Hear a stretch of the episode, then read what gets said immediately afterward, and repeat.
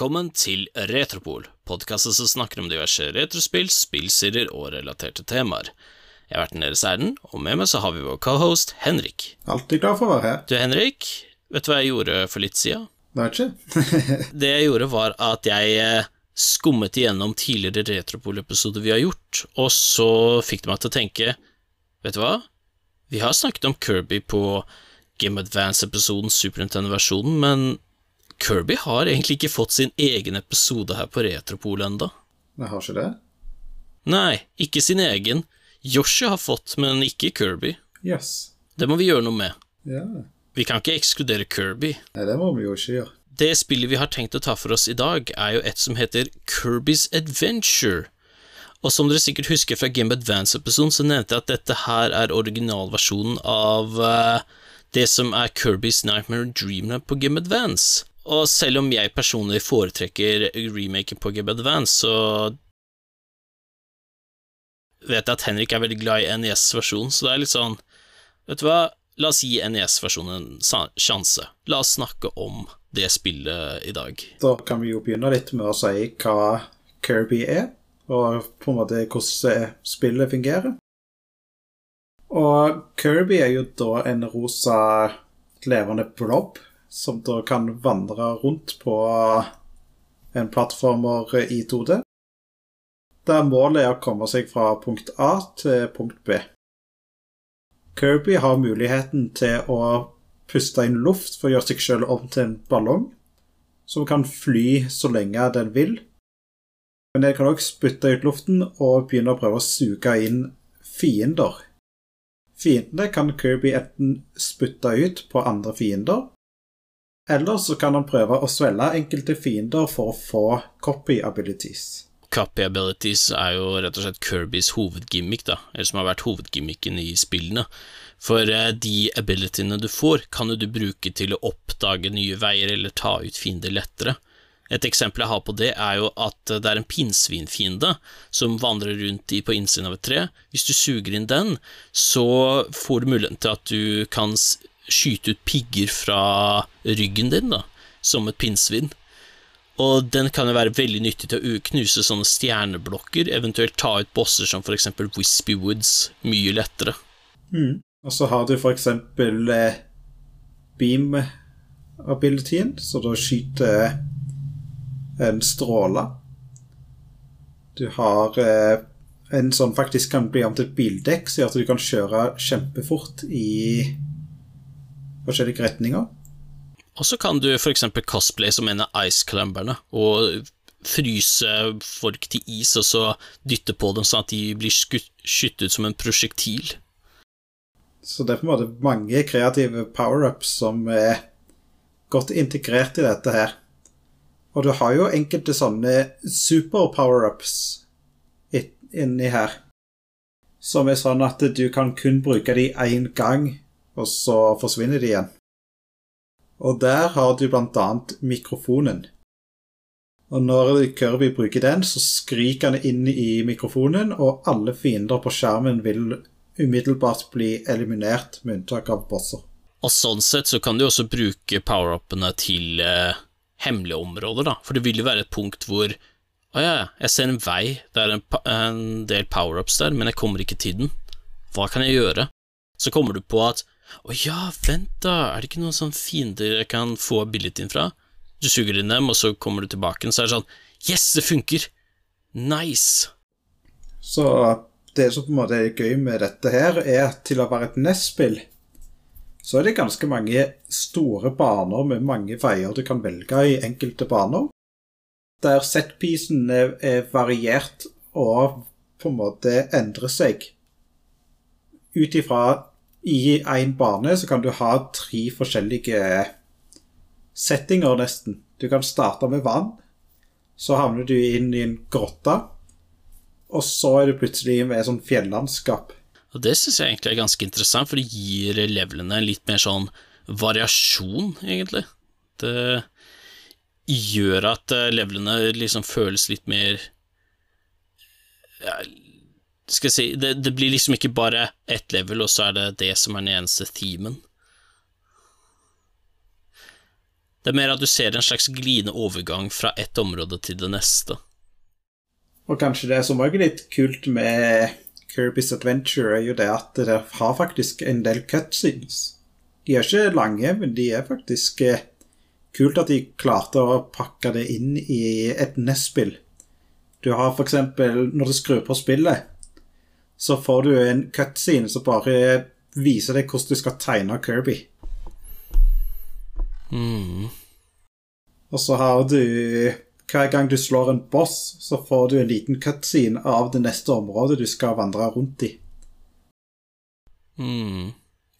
Og det er jo åtte verdener totalt, og de er jo alle basert på noe med mat. Du har eksempel Ice Cream Island, Yogurt Yard Butter Building, Orange Ocean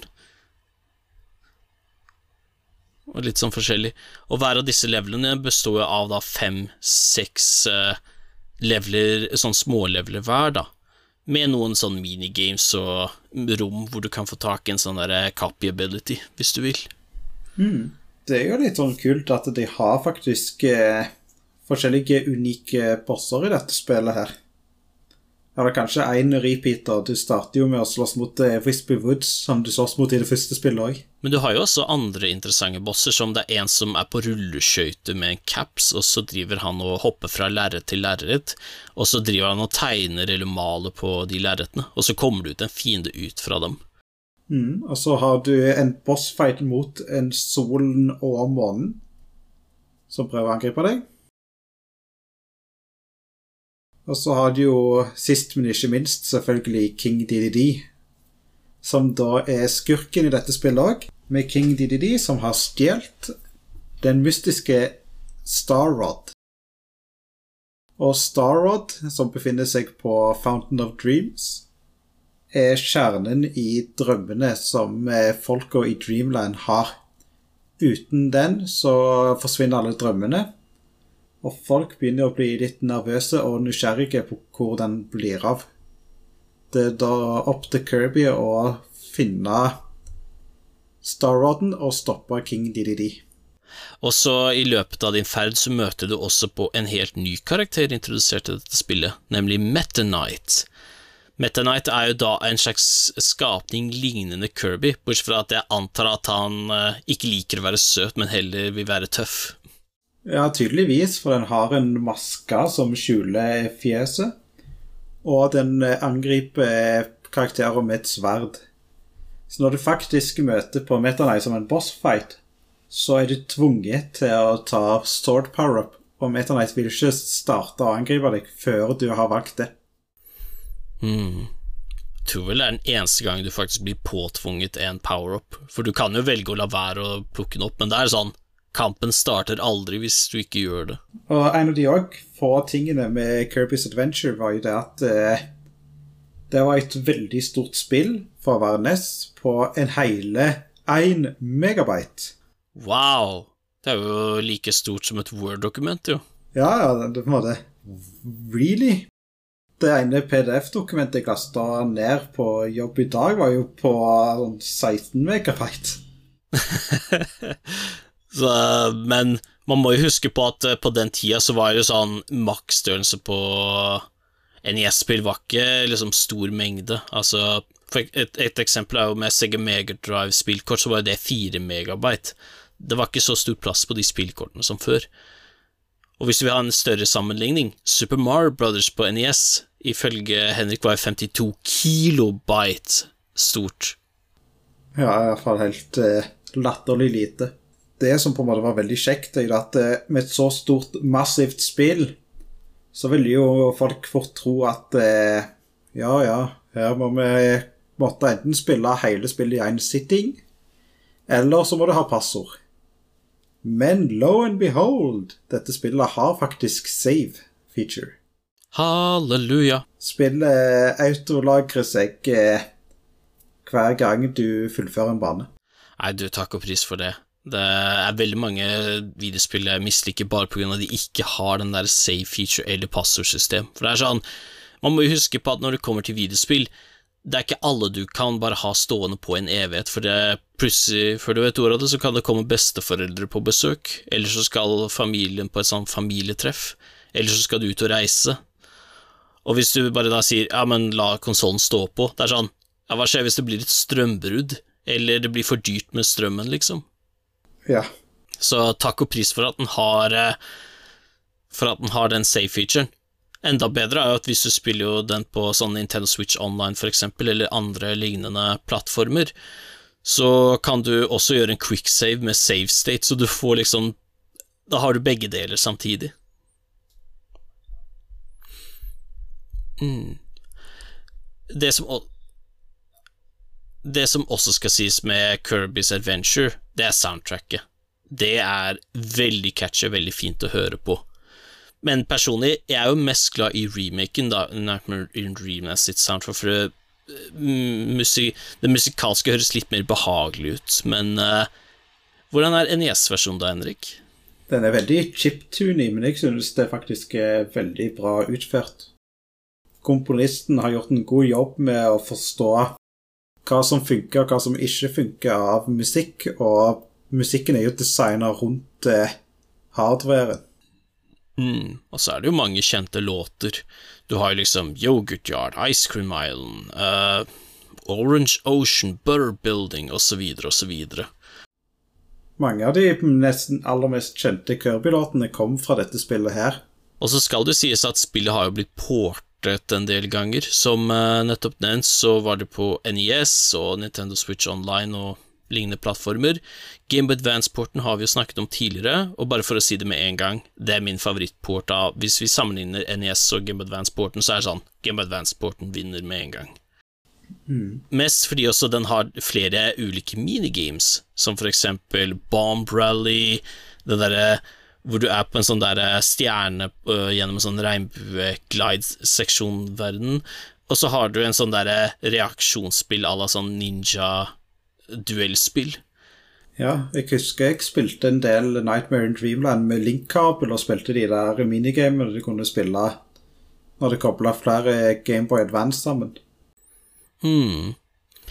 Og så hadde du en 3DS-port. Eh, Men uh, hva er det som er spesielt med 3DS-porten, Henrik?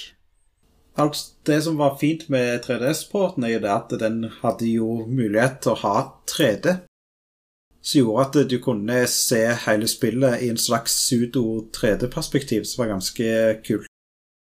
Men kanskje det som er en større glede for min del, er jo det at Kirby's Adventure sin største svakhet er det at det er veldig mye slowdown i spillet. Det pusher jo allerede NES sin hardware helt til sine yttergrenser. Så det gjør at hvis det kommer for mange fiender, og du bruker et angrep på feil plass, så blir det slowdown etter slowdown etter slowdown. Så føler det så mye slowdown at det er vanskelig å på en måte nyte det fullt ut. Men 3DS-versjonen fjerner all slowdown. Ja, det er jo fint. Personlig da jeg var liten, så tenkte jeg egentlig ikke så mye på det, for det var liksom Jeg tror jeg hadde en sånn forståelse for det jeg, for i hvert fall Game Advance-versjonen, for det er sånn Ja, nå dukker det opp litt mange fiender på én gang, så Ja da, jeg, jeg skjønte jo det sjøl òg, men det var Det var på en måte en fordel å slippe den slowdown og se hvordan det er å spille det spillet der uten den hindringen der. Ingen sånn sprite-flickering og de type tingene der. Men det jeg skal si om spillet i helhet, det er jo sånn jeg vil si sånn, hvis man bare ser på spillet i seg selv, så er det sånn Det er et spill som er gøy å spille, men sånn Er det en av dine topp ti favorittspill? Nei. Det, det er sånn spill jeg liker, men det er ikke sånn der eh, favoritten min, for å si det sånn, heller. Ja, jeg kan uh, skjønne den, fordi at det er jo et uh, Det er et litt sånn enkelt plattformer, det er et stort plattformer, men spiller du Kirby, så vet du at det er et gøy spill. Men det har på en måte ikke den samme spenningen nødvendigvis med Kirby's Adventure som du har med Mario 3. Der er det mye mer fokus på split decision platforming. Eller f.eks. Rocket Night Adventure med alle tingene der. Ja, eller Worms, hvor det er mye strategi involvert, og hvor banen forandrer seg avhengig av hvor det er du skyter eller bommer. Samtidig så er dette her et veldig bra spill for folk som ikke har spilt noe særlig med spill før. Så dersom eh, en har små barn, eller vil introdusere en som egentlig ikke har så mye kunnskap til spill, så dette her en fabelaktig måte å starte spilleeventyr på. Ja, det er liksom sånn eh, Det blir jo fort en av de spillene som der eh, burde være første spillet ditt, sammen med f.eks. spill som Galaga, Super Mario Brothers, Banu Kazooie.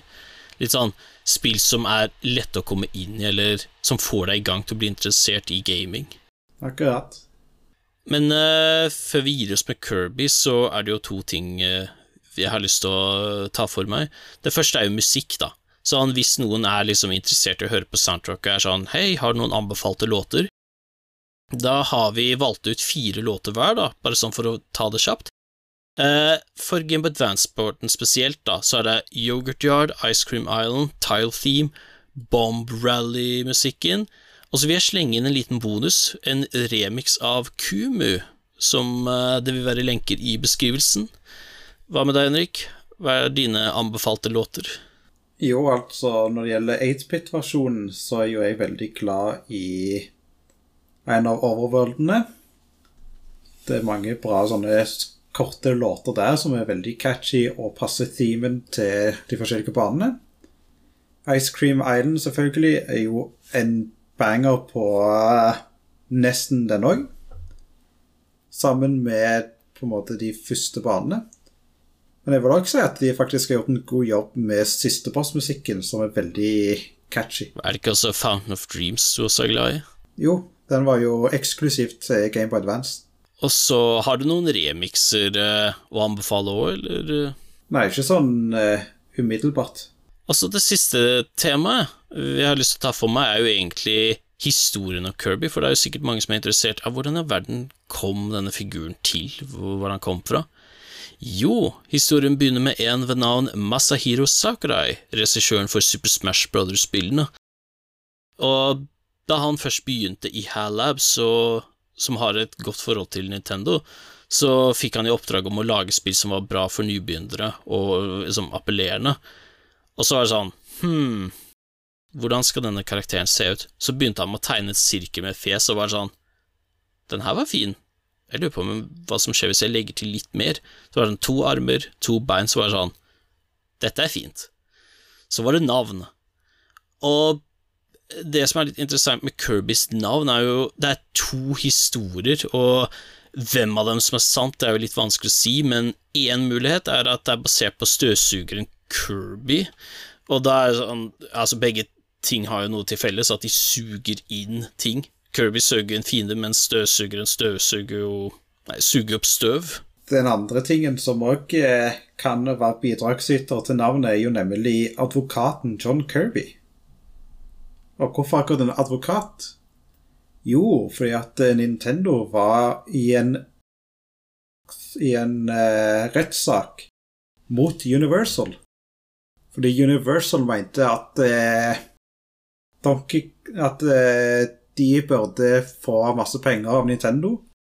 Fordi at Donkey Kong var en rip-off av eh, King Kong, som de ikke hadde søkt eh, tillatelse om. Det som eh, skjedde, var jo det at eh, John Kirby gikk gjennom hele rettighetssystemet, og fant jo ut at eh, King Kong var jo public domain. Så Universal eide jo ingen rettigheter til King Kong i det hele tatt. Ops. Og så Du får ta det jeg sier med en klype salt, men uh, det skal være sagt at uh, John Kirby fikk jo en kopi av Kirbys Adventure i posten, og da var det sagt at han eh, fikk seg en god latter, men hvorvidt det er sant, det Du må nesten bare sjekke det ut selv og vurdere. Men også en ting som er litt artig, en av de første spillene til Kirby, Kirbys Dreamland på Gameboy, har jo egentlig feil farge på Kirby, fordi Kirby er rosa, men på coveret er han hvit. Og det dreide seg om at eh, Nintendo internasjonalt, altså USA og Europa, var, fulgte med på den der konflikten som var mellom med Masahiro Sakurai og Shigeru Miyamoto.